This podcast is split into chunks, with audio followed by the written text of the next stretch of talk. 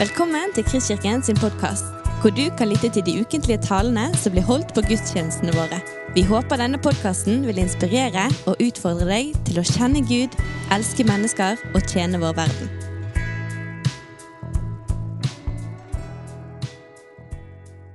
Takk skal du ha, eh, Endre. Det, først, takk fordi at jeg blir invitert. Det er Eh, det er jo alltid kjekt å bli invitert, men det å få lov til å komme tilbake til Kristkirka eh, Noen av dere vet at jeg hadde i min ungdomstid eh, noe å gjøre med Reidar. Eh, vi landa begge to i sin tid i Toronto, og ja, det var ei festlig tid. Ja, mye rart. Ja, klart det var mye rart. Eh, både Reidar og meg klødde oss i hodet og lurte på hva dette her for noe. Men altså, har du med den allmektige å gjøre, så må du leve med at det er enkelte ting som ikke følger skjema. Og det, det var jo en sum rundt. Men det som så skjer seinere, det er jo at eh, jeg får ulike møtepunkter med Kristkirka og gjenkjenner at eh,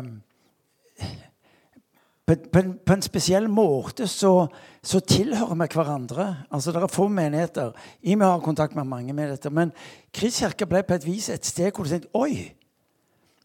Disse folka De ligner jo fryktelig mye oss.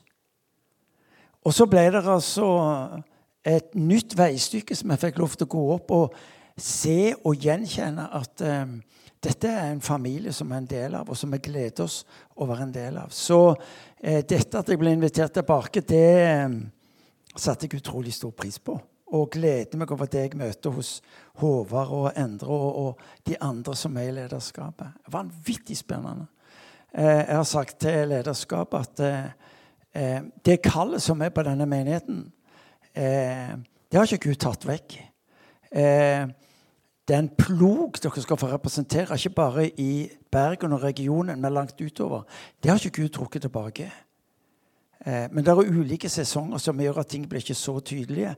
Men når jeg er her, så fornemmer jeg noe av dette eh, som profetordet egentlig sa. Eh, be, be, prepared. Altså vær forberedt for det Gud vil ta dere inn i. Så takk skal dere ha for at jeg eh, ble invitert og er nå her og reiser videre hjem til familien min i ettermiddag. Jeg har ikke sett dem på en del dager og kom rett fra Thailand. hvor Det var helt vanvittig, det som skjer. Guds rike går fram på en måte som jeg ikke trodde var mulig. Eh, og som gjør at du klør deg i hodet. Hva er det som skjer? Og så er det bare at Gud er jo den samme her som han er i Kambodsja og Thailand og, og andre steder. Så vær forberedt. Eh, Gud er ikke ferdig å virke med dere eller med oss. Så her burde dere egentlig sagt halleluja, men det er nok greit nok, det. Eh, det, det er ikke små, det er småtterier. Jeg heter Martin Cave. Har vært pastor i, i min kirke i Stavanger i mer enn 40 år. Eh, og eh, ikke lenger leder. Det lederskapet er overtatt av andre. Men jeg er fremdeles en del av stab sammen med min kone Irene. Jeg har to døtre og fem barnebarn. og har en utrolig glede av å være med på det som Gud gjør inn i denne tida. Og tror også for oss og for meg så Folk vil si om ikke du er blitt litt gammel. Nei, det er et tolkningsspørsmål. Eh, eh, for Gud er ikke blitt gammel, og det han holder på med, det drar han oss inn i uansett eh, hva alder du måtte ha. Så det profetordet vi fikk, det går rett inn i det jeg opplever Gud har lagt på meg at jeg skal dele med dere i dag. Så det var utrolig eh, spennende å, å, høre. Jeg eh, kommer fra en totalt ikke-kristen bakgrunn. Eh, hørte aldri om Jesus i mitt, i mitt hjem. Gikk aldri i kirke eller bedehus. Forresten, bedehus visste jo ikke jeg hva var før jeg var blitt 17 år. Jeg visste ikke hva, hva kristne var før jeg var nesten 17 år. Altså Kan du tenke deg å leve opp og ikke vite hva er kristne? Er det totalt ukjent. Til at jeg en dag får, eh, begynner på en skole og får et møte med en Kristus som, som blir forkynt. og Hovedsakelig så går det på dom, død og helvete, og så går det på mye synd. Og jeg tenkte det var fryktelig rart. Husk på, Jeg kommer fra totalt ikke Og jeg tenkte disse folka høres fryktelig rare ut, og så oppførte de seg rart òg. Gjorde det. Men i den prosessen hvor jeg hører om denne Jesus, egentlig for første gang, bortsett fra når vi hadde religions- eller kristendomsundervisning på skolen, så vokser det fram en erkjennelse av at Jesus kan ikke lyge. Altså, Var det mulig at den Isa som du leser om i Koranen, som Mohammed omtaler som den unike, som filosofene og lederne som Gandhi omtaler som den spesielle Kunne han lyve? Eller lyge, som de sier på godt norsk? Min konklusjon nei, han kan ikke lyge. Hvis ikke så ville ikke folk ha trodd at han var den han var. Og da var det for enkelt for meg. Ja, men da er det greit. Da er jeg med. Jeg har ikke så mye synd og frykt for fortapelse der. Han var sannhet. Ja, men da følger jeg han, da. Ikke verre enn det. Så vi hadde vitnemøte, og jeg sa bare at jeg er med. Jeg eh, følger han. Jeg eh, tror ikke jeg kan lyve, så det er greit. Senere så oppdaget jeg jo at dette med kristen liv og tro og etterfølgelse Alt det der kom etterpå. Men, men det er ikke slik at Vår Herre alltid følger mønsteret for at han skal få tak i folk. For meg ble det sannhet. Han er, han er sannhet. Og det er det bærende i mitt liv. Altså Enten så tror jeg det som står her, eller så gjør jeg det ikke. Og hvis jeg tror det som står der, ja, da følger jeg jo det som står der. Jo da, jeg har studert eh, teologi og alt det der, men greia er jo Enten så må jeg forholde meg til det han sa fordi han mente det, eller så må jeg begynne å skille ut, eller så må jeg begynne å sensurere, eller Enten så mener han det han sier, derfor sa han det, eller så og Så, videre. så når du hører meg undervise nå, så vil du høre om en som tror at det Jesus sa, var sannhet. Og hvis du tenker ja, det der var ikke dumt, ja, ja, så er det godt mulig du får noe med deg. Hvis du syns dette var litt sånn på sida, så, så, er det mulig at det var i hvert fall en interessant formiddag. Dere må få en historie. Det er klart dere må det. Um, um, fortelles om en nordmisjonspredikant. Det kunne vært Kristkirka for den saks skyld. Men jeg tror det var en nordmisjonspredikant som uh, var hjemme, og så skulle han en dag gå tur med bikkja si og gikk ned til strand, og kom ned til strand, og Der hiver han en pinne ut på sjøen, og så sier han til bikkja 'hent'. Og bikkja oppå vannet henter denne pinnen og tilbake igjen. Og han sier 'wow', sa han. Det var spesielt. Så han tar og hiver pinnen en gang til ut på sjøen og sier til bikkja 'hent'. Ser dere bikkja i Bergen, forresten? Bikkja er hund. Så han sier 'hent'. Og bikkja oppå vannet henter pinnen og kommer tilbake igjen og sier 'wow', sa han. Dette er jo et mirakel. Dette er jo helt spesielt. Så han gjør det noen ganger, og det samme skjer hver gang. Så er det slik at Neste dag så får han besøk av, eh, av eh, en god venn som også er nordmisjonspredikant. Så han sier du, du må være med ned, så må du se på noe som er veldig rart. Um, og de er ned til stranden. Han hiver en pinne utpå og sier det bikkja hent. Bikkja oppå vannet, henter pinnen og tilbake igjen. Og han som i bikkja ser på kameraten sin og tenker 'Hva tenker du?' Og han sier ingenting. Så han gjør det samme en gang til. En gang, og kommer helt til enden av stranden. Og så sier han til kameraten sin, som ikke har sagt at det ord, så sier han, du, 'Har du oppdaget noe spesielt med bikkja mi?' Ja, når det første jeg spør, så ser jeg at han kan ikke svømme.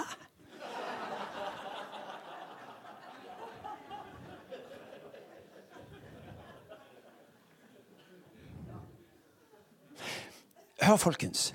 Når du og meg møter noe vi ikke helt forstår, så strever vi og jobber med, med å få det til å passe inn forbi de rammene vi er vant med å forholde oss til i livet. Når Jesus kommer inn i sin samtid i Palestina, så møter de en som sprenger alle rammer. Men for å kunne komme til rette med det som skjer, så blir plutselig jobbing å få han til å passe inn innenfor det som er tradisjonen, erfaringen, forståelsen. Hør. Du og meg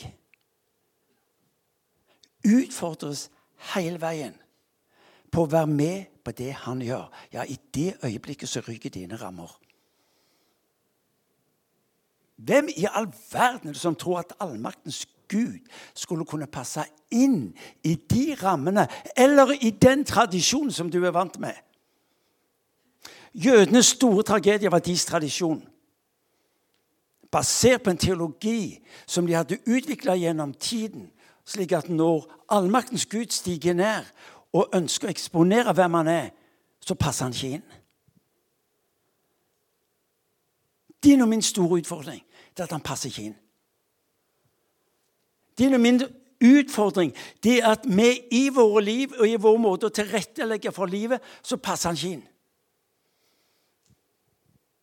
Derfor har altså Gud denne fenomenale, forenkla tilnærming til livet som kokes ned til to ord, og det er 'følg meg'. Det er verken teologisk spenstig eller spesielt uh, uvanlig å høre det. Men hele kristen kristendomsforståelsen kokes ned til disse to ordene 'følg meg'. Det var det han starta med. Når han eh, blant menneskene i Palestina begynner å opptre, så knytter han til det Guds rike som har steget ned, og til etterfølgelse.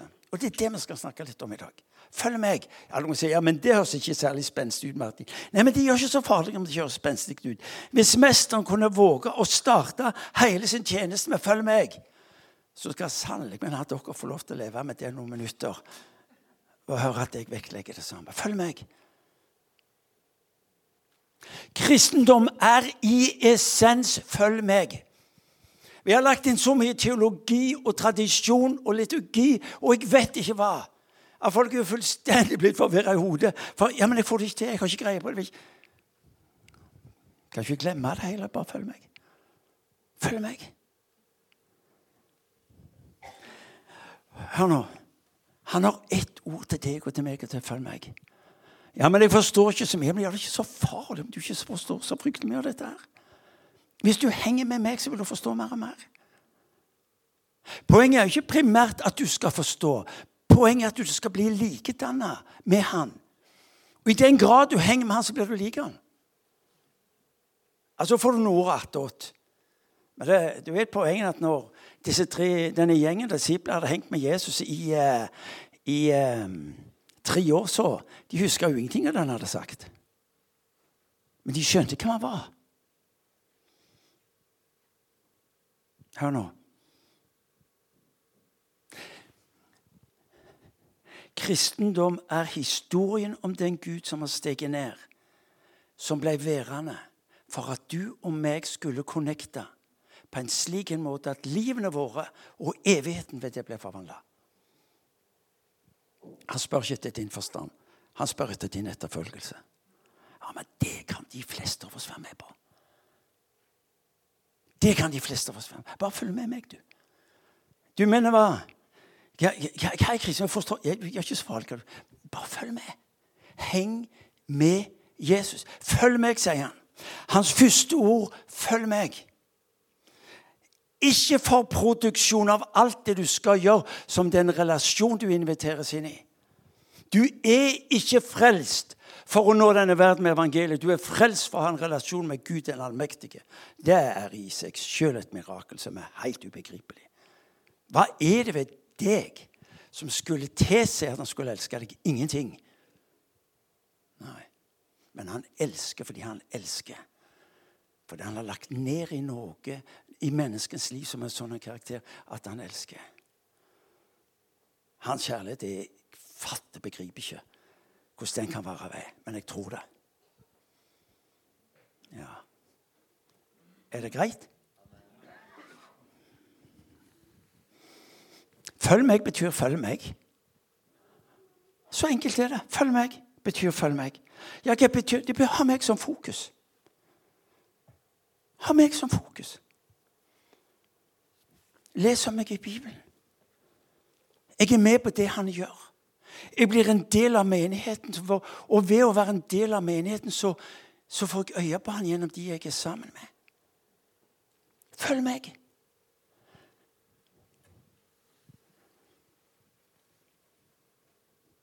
Det eneste nå, det eneste han forventer av deg og meg, det er at du følger han.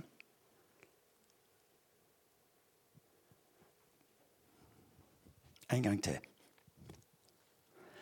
Det eneste han forventer av deg og meg, at du følger han. For ved å følge han, vil du også få tak i det han har for deg. Det står i Romerbrevet kapittel 12, vers 1 i The Message-oversettelsen Embrace what God is giving you. That's the best thing you can do for them. Omfavn det Gud gir deg. Det er det beste du kan gjøre for ham.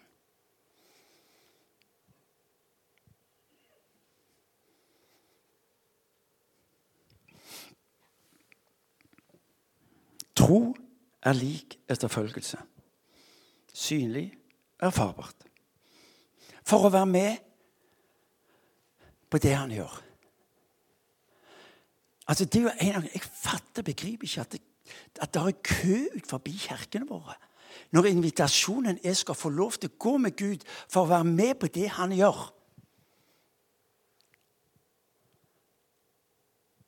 Dere er gysla stille.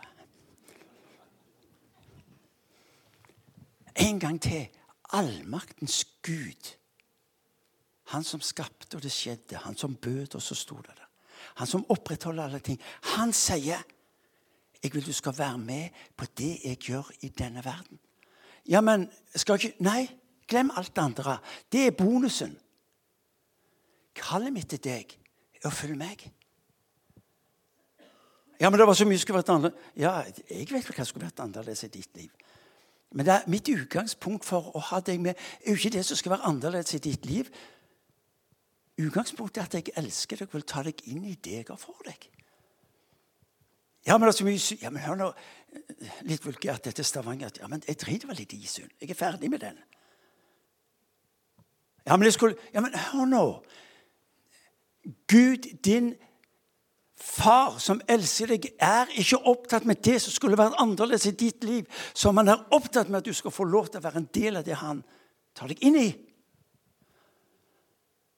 Hvordan i all verden kan en Martin Cave, som med Guds hjelp kanskje får lov til å følge 72 år til sommeren, kan orke å være pastor i en menighet i mer enn 40 år? Det er jo kvalifisert galskap. Fordi utgangspunktet er jo ikke hva en Martin får til, men hvem han får være sammen med. Når du utfordres på ting i ditt i mitt liv, så, så er jo ikke utgangspunktet ja, men jeg er ikke sikker på Utgangspunktet er ikke hva du kan eller ikke kan. Utgangspunktet er at Hvis han ber deg om å fylle, så har han sørga for at du skal ha det du trenger.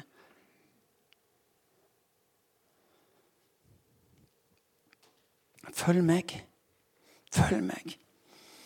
Bli med på det han Hva gjør du nå, Jesus? Står opp om morgenen, så, så får du lov til å ha et spørsmål. Herregud, hva gjør du nå?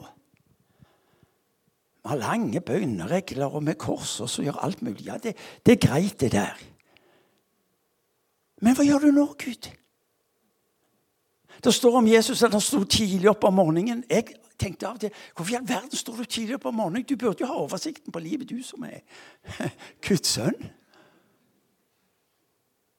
For det første så står han tidlig, for han, han har behov for relasjon med far.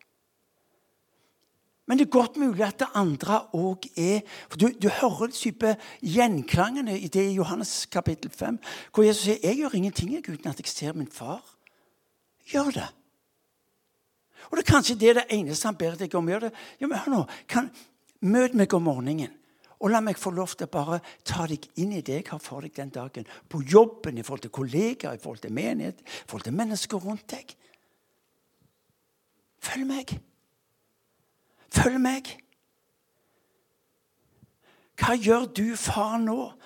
Som han er i denne verden, lyder dette ubegripelige, troverdige ord som han er i denne verden, er du og meg i denne verden. Ja, du og meg er eksperter på hva vi ikke har, og hva som ikke passer. Det kan i hvert fall ikke stemme. Jesus inn i denne verden han hadde Faderens gunst fordi han var fullkommen, perfekt. Det var ingenting galt. Og langt ifra. Dette er min sønn som jeg har behag i, var ikke på grunn av at han var fullkommen, men fordi han var sønn. Når Faderen sier han elsker deg like mye som han elsker Kristus, så er det fordi du er sønn og datter. Faderens vurdering av deg er ikke prestasjon, men relasjon. Han elsker, derfor elsker han. Følg meg.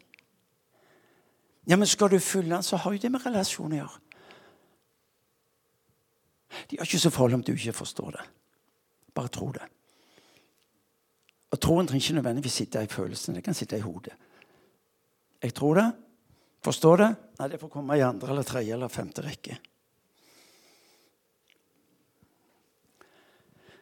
Hør nå. Når han sier 'følg meg', så er det uttrykk for at han ønsker ikke å være din ressurs. Han ønsker ikke å være den som du tar til fordi livet blir vanskelig. Han vil du skal vite og hvile i dette, at han er der. Når han sier 'jeg vil la mitt nærvær gå foran deg', så er det nettopp det det er. Når du feiser de vanskelige og umulige situasjonene, så ber du og meg om styrke og kraft. Ja, ja, alt er greit, bare ber. Men det er jo ikke det som er greia. Greia er jo at han har sagt at 'jeg vil ha mitt nærvær gå foran deg'.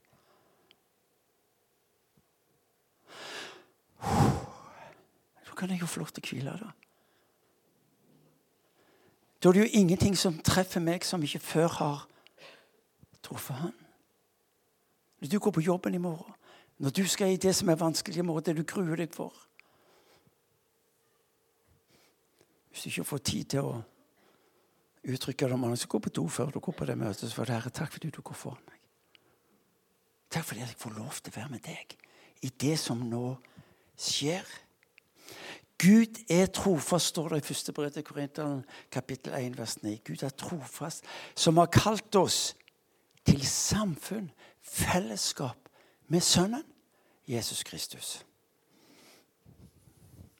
Hva betyr det? Folk snakker om at de har visjoner. og alt Det Det er greit å ha visjoner, og, eh, men, men, ikke la det bli noe annet enn en type tankespinn. Fordi han, han vil være din visjon. Det er han du styrer livet etter. Parentesen her er jo at de fleste sammenhenger, eh, de såkalte visjoner, de, det var ikke de som ble de viktige, men det var jo spin-off-effektene av de såkalte visjonene. Han vil være din visjon. Han er den du følger. Og som har sagt at han vil aldri noen gang skilles ifra deg. Det er jo det som gir meg retning. Når, eh, når Abraham der tilbake i Uri Kaldea Det er fryktelig lenge siden. Fryktelig lenge siden. En dag så får han beskjed Abraham, det er på tide at du pakker kofferten. Ja vel. Og så Ja, du skal ut på reise. Ja, hvor da hen? Ja, det vil du se når du kommer dit. Ja, ja, men hvor lenge skal jeg være på vekk? lenge skal jeg være vekke? Ja, det vil du oppdage når du har vært der lenge nok. Bare følg meg. Hva tror du ble det viktigste i Abrahams liv på den reisen? Han måtte ikke miste ryggtavla til Javé. Eller Jehova, om du vil. Han visste han så på morgenen, for han hadde jo ikke kartet. Han visste jo ikke hvor han skulle hen. Han visste ikke hva det ville innebære. Men det var én ting han gjorde. Han fulgte han. Og så hadde han ryggtavla foran seg, og så, så Det gjør ikke så farlig om du ikke vet, om du bare er sammen med han som vet. Kristenlivet er ikke en sånn balansegangopplegg. På å håpe og tro at en Gud han vil svare eller handle eller hva han skal finne på. Han er jeg er der. Bare følg meg, du. Bare følg meg. Folk var så imponert over Imi kirke over det svære bygget. folk ble fryktelig fort imponert av betong og glass. Mange stoler. Merkelige greier. Så kommer de til meg og sier ja, Martin, du er, du er, du er visjonær. Så jeg er ikke visjonær i det hele tatt. Men jeg tror jeg har gysla svære ører. For når jeg begynte i Imekirka, så skjønte jeg at dette kunne jeg jo ikke. Og da sa jeg du, dette her har ikke jeg greie på. Så, og da var det at jeg begynte å be bønn. Kjære Gud, hva gjør jeg nå? Og Det gjør du òg mange ganger. Helt jeg skjønte Det var den dummeste bønnen jeg kunne be. Kjære Gud, hva gjør jeg? Da hadde jeg jo fremdeles problemer. Så da snudde jeg på bønnen og sa, Kjære Gud, hva gjør du nå? Du er han som har problemer. Når folk går rundt og forteller hvor, hvor flinke leder Martin er, og alt det der, så det har ikke noe med saken å gjøre det hele tatt. Det er jo ikke meg som leder, det er jo han som leder. Han har bare, bare bedt meg om å fylle han. Så jeg reiste jo vekk, jeg. Ei uke hvert semester. Og folk trodde det var, den Cave, han er from. Ja, Han er mye sammen med Gud. Det var ikke fordi jeg var spesiell for det var bare jeg visste ikke hva jeg skulle gjøre. Er du med meg? Kjære Gud, sier jeg. Hvis du er stille så vet ikke jeg hva jeg skal, jeg skal lede denne forsamlingen. Jeg har ikke peiling hvordan jeg skal gjøre hva, hva, gjør, hva, hva gjør du nå? Vi skulle bygge ei svær kirke der nede. Det i seg selv er jo sånn kvalifisert galskap. 1800 seter og bla, bla, bla. Og så midt i denne prosessen så ringer han som da Vi hadde en svær byggekomité på to stykker. Det var han som ledet eiendommen, og så var det meg. Og En dag så ringer han meg og så sier han, du, eh, vi har fått problemer. Fordi at eh, der vi skulle grave, var en gammel søppelfylling. og eh, vann ifra den vil renne ut i Mosvannet, sånn en nærliggende, flott eh, lite vann som ligger der. Så sier han til meg at eh, du, Miljøverndepartementet de har sagt vi får ikke grave. For hvis vi begynner å grave, så skaper vi bevegelse i massen, og så vil det renne ut i det vannet. Han var stressa, mildt sagt. Jeg ble stressa, mildt sagt, for vi tenkte her går det uker, måneder og år, og kanskje ikke i det hele tatt. Og Jeg legger meg om kvelden og hadde glemt hva jeg hadde lært, og sa, 'Kjære Gud, hva gjør jeg nå?' Og så sier han til meg, 'Ja, tror du dette kom overraskende på meg?'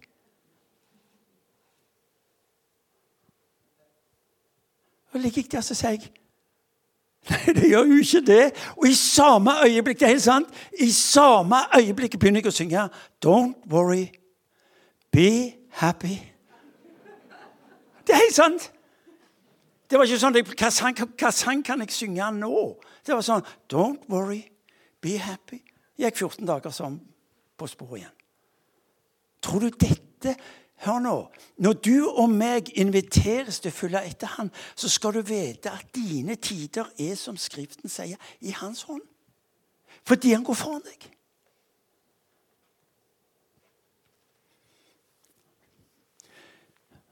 Hvor lenge taler de i denne kirka?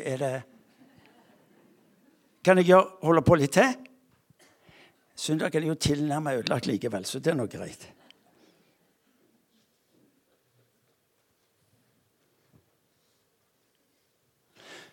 Der du og meg ønsker å ha oversikten og kontrollen, er Hans ord til deg. Bare følg meg, du. Hvil i meg. Tro er lik tillit. Tro er lik lydighet. Tro er å være med på det Gud sier uten å skulle forstå. Eh, vi synger en sang because, because I trust in you, I do not need to understand. Fordi jeg stoler på deg, trenger jeg ikke forstå. Når du har vandra med Jesus i så mange år som jeg har fått lov til å gjøre Jeg har vært en Jesus-etterfølger siden jeg var 17. Så kjenner jeg, vet du hva No problem.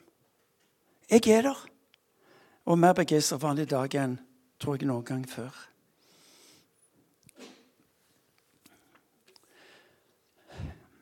Se på dere sjøl. Se på kirka deres. Alt i denne kirka, Kristkirka, med sine ledere, med sine aktiviteter, har ett mål. Og det er at du skal lære å være trygg i å følge til Jesus. Spør du Håvard hva, hva, er poenget med det er at folk skal få hjelp til å følge etter Jesus. Spør du Endre, så er det akkurat det samme. Alt som er her inne, har ett fokus. Det å hjelpe deg og meg til å våge denne Kristus-etterfølgelsen. For det er ved det at du og meg skal få lov til å være hans ansikt og lys i denne verden. Men det er også ved det at denne verden vil se og tro i og fra våre liv. Alt barnearbeid, ungdomsarbeid, veiledningsarbeid, alt i sammen, hva de tar oss inn i, så er målet at du skal få lov til å erfare at det å vandre med Jesus faktisk er trygt. Følg meg. Det betyr at du tas inn i det som er av Han. Ikke at du forstår det. Det er mindre viktig men at du tas inn i det som er han. Følg meg betyr at du sier jeg er villig til å gi opp kontrollen fordi jeg har tro på at den kontrollen du har, den holder. Følg meg er hans ord. Mange mista det fordi de ikke vågte å gi opp kontrollen. Vågte ikke det han tok oss inn i. Bare panikken ved tanken. Du ser det at Når han tar deg og meg inn i det som er av han, så tas du og meg inn i det som er hans plan og vilje. Når, når eh, du leser om israelsfolket som har kommet ut av Egypten De er ute i ørkenen, og så får de øye på egypterherren som kommer bak dem. Og så begynner folk å stresse. Det blir allmannamøter, og de vil eh, finne på gode løsninger. Og så sier Gud til Moses Moses, ikke vær redd. Bare bli med meg bort til kanten av sjøen, og så skal du eh, Du skal bare rekke ut stokken din. Det er nesten så jeg hører Moses ja, men hør, Herre. Ser du de som kommer bak her? Det er flere tusen. De er, de er vel bevæpna. De kommer til å renne over oss som en kniv, varm kniv i smør. Så sier jeg bare, bare gjør som jeg sier. Bare rekk ut staven. Rekk ut staven, du, så skal du se. Ja, Det er en her som ikke kan se. Han er blind. Ja, bare legg hendene på han og be for han. Ja, men Hva er det med Bare legg hånden Ikke bry deg. Jeg, jeg, jeg, gjør det, jeg. Gjør det, jeg. Fortalte i går på Vi var sammen i går kveld. Jeg bare fikk ei dame i Thailand som var blind. Og så ber vi at Gud skal helbrede henne, og så sier jeg hvordan går det med deg, så jeg kan se. Kan du se? Ja, hva var det? Jeg gjorde bare sånn, jeg. Gud, helbred henne i ditt navn. Amen. Hør nå. Det å være med på det han gjør, betyr å være med på den måten han vil gjøre det på. Ikke hva som passer deg, eller hvor du er komfortabel. Folk sier ja, men jeg, jeg har ikke ro for. Hvem i all verden er det som kan gå rundt og tro at de kan kjenne på roen når de er sammen med vår Herre, og han begynner å bruse med vingene? Skjønner du? Altså, det Når Peter, du leser om han, og de begynner å stresse for de er sammen med mye folk, og så, og så, og så sier Jesus bare gi dem mat. Jeg syns jeg ser Peter si til Johannes Nå er ikke mat til alle disse folka med. Men så er det jo Nathanael, vet du. Han har han har skjønt litt, han har begynt å lete etter noen som har noe. Også. Du, det er en gutt her med litt brød og litt fisk. Ja, Flott, jeg trenger ikke mer. Du, hør nå. Du og meg er eksperter på det vi ikke har, istedenfor å få på hva vi har. To brød, litt fisk. Så bryter han det opp. Velsigne det. Og så sier han til Peter, 'Nå, Peter, der borte er det en flokk på 500. Nå har du litt av en fisk litt på Du går bort og gir dem mat.' At du sitter med fasiten, så dette er ikke et problem for deg. Men kan du se for deg de 500 og halvparten av dem, for det var mye kvinner og, og barn i tillegg. Høyt blodsukker, nei, lavt blodsukker og alt det der. Ja. ja. Gift meg som til tider får problem med blodsukker. Det, det smeller rundt der. altså. Ja. Peter går bort. Men han hadde en erfaring ved å være sammen med Jesus som gjorde at når han møtte en ny utfordring, så brukte han den gamle erfaringen, og så handla han. Og så gir han ut en bitte liten bit av dette brødet, for det skulle jo vare til mange. Og så ser han at i det øyeblikket han begynner å bryte, så vokser det. Hør nå, Når du våger å gi ut det Gud har gitt deg, så vil du oppdage at det vokser. Og jeg, det er min fantasi. Men hvorfor skulle ikke den være like god som din? Eh, det står at det var tolv kurver til overs. Vet du hva jeg tror Peter gjorde på slutten? Når han skjønte at dette vokste når han ga ut, og jo mer han ga, jo mer vokste det. Til slutt så tok han tok sånne svære stykker, sånn pizzastykker. Er du med? Så river han av, og så jeg det helt ut til dem. Ja. Trenger ikke mye fantasi til å skjønne det der. Men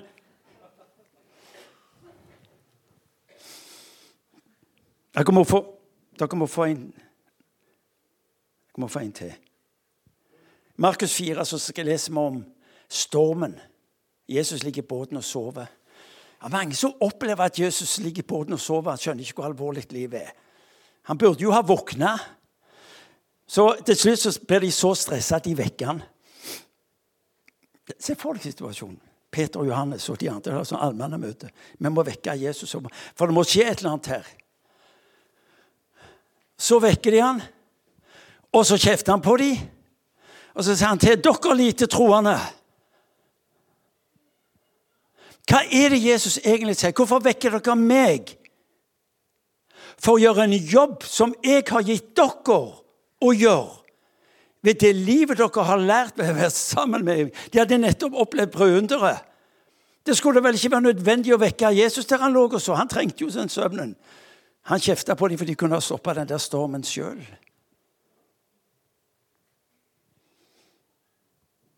Hmm.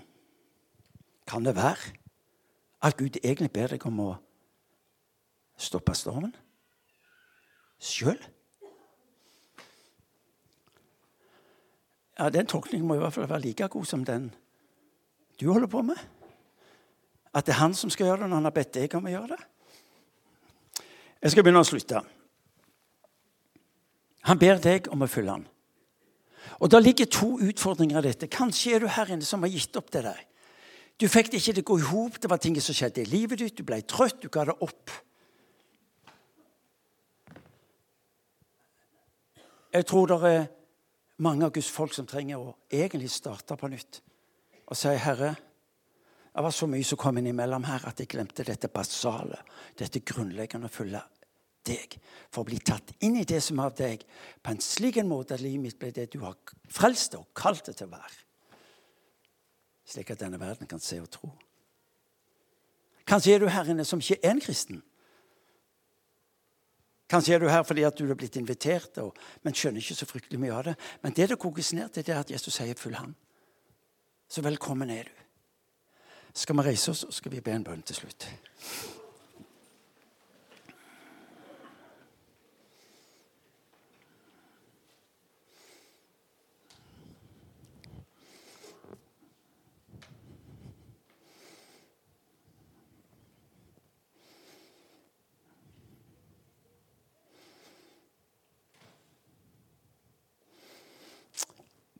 Kom, Hellige Ånd. Jeg ber om at du skal bare komme, og så skal du berøre. Så skal du tale til oss. Hva vil du hjelpe oss til å legge til sides her alt det vi har av tankebygninger og ønsker og forslag, Herre. Hjelp oss til å legge det til sides. Så ber jeg for meg at du skal ta den enkelte av oss, at du bare skal Herre, kall oss på nytt til å følge deg. Kall oss på nytt. For vil du møte hver enkelt av oss, vi som har gått lenge med deg, kanskje vi er nye med deg Men far, ber du skal kalle oss, Herre, til å bryte opp og hver dag, Herre, bare få lov til å be, Herre, hva det du tar oss inn i sammen med deg. Herre, takk fordi du ikke ber oss om å opprette sånn enkeltmannsforetak. Men du ber oss om å gå sammen med deg, sammen med ditt folk. Jeg bare ber om at det skal merkes i Bergen i, i dag og i morgen, når vi står opp. Fordi bevisstheten på, takknemligheten for, avhengigheten av å få lov til å gå med deg ut i arbeidet, jobben, skole, familie, hvor det måtte være henne at vi er der sammen med deg. Og du vet hva du vil gjøre. Far, jeg ber du skal ta hver enkelt av oss inn i dette såkalt enkle og hjelpe oss far, til å våge å være der, leve der, slik at ditt rike kan bli synligere. Så kom du, Helligånd. Det er det vi ber om. Det er det vi ber om. Gi oss nåde til å legge av alt det vi tenker skulle vært annerledes og gi oss, Herre, å følge deg. Amen. Du har lyttet til en podkast fra Kristkirken i Bergen. Vi håper du har blitt inspirert og utfordret i din vandring med Gud. Vil du vite mer om oss, så klikk deg inn på kristkirken.no.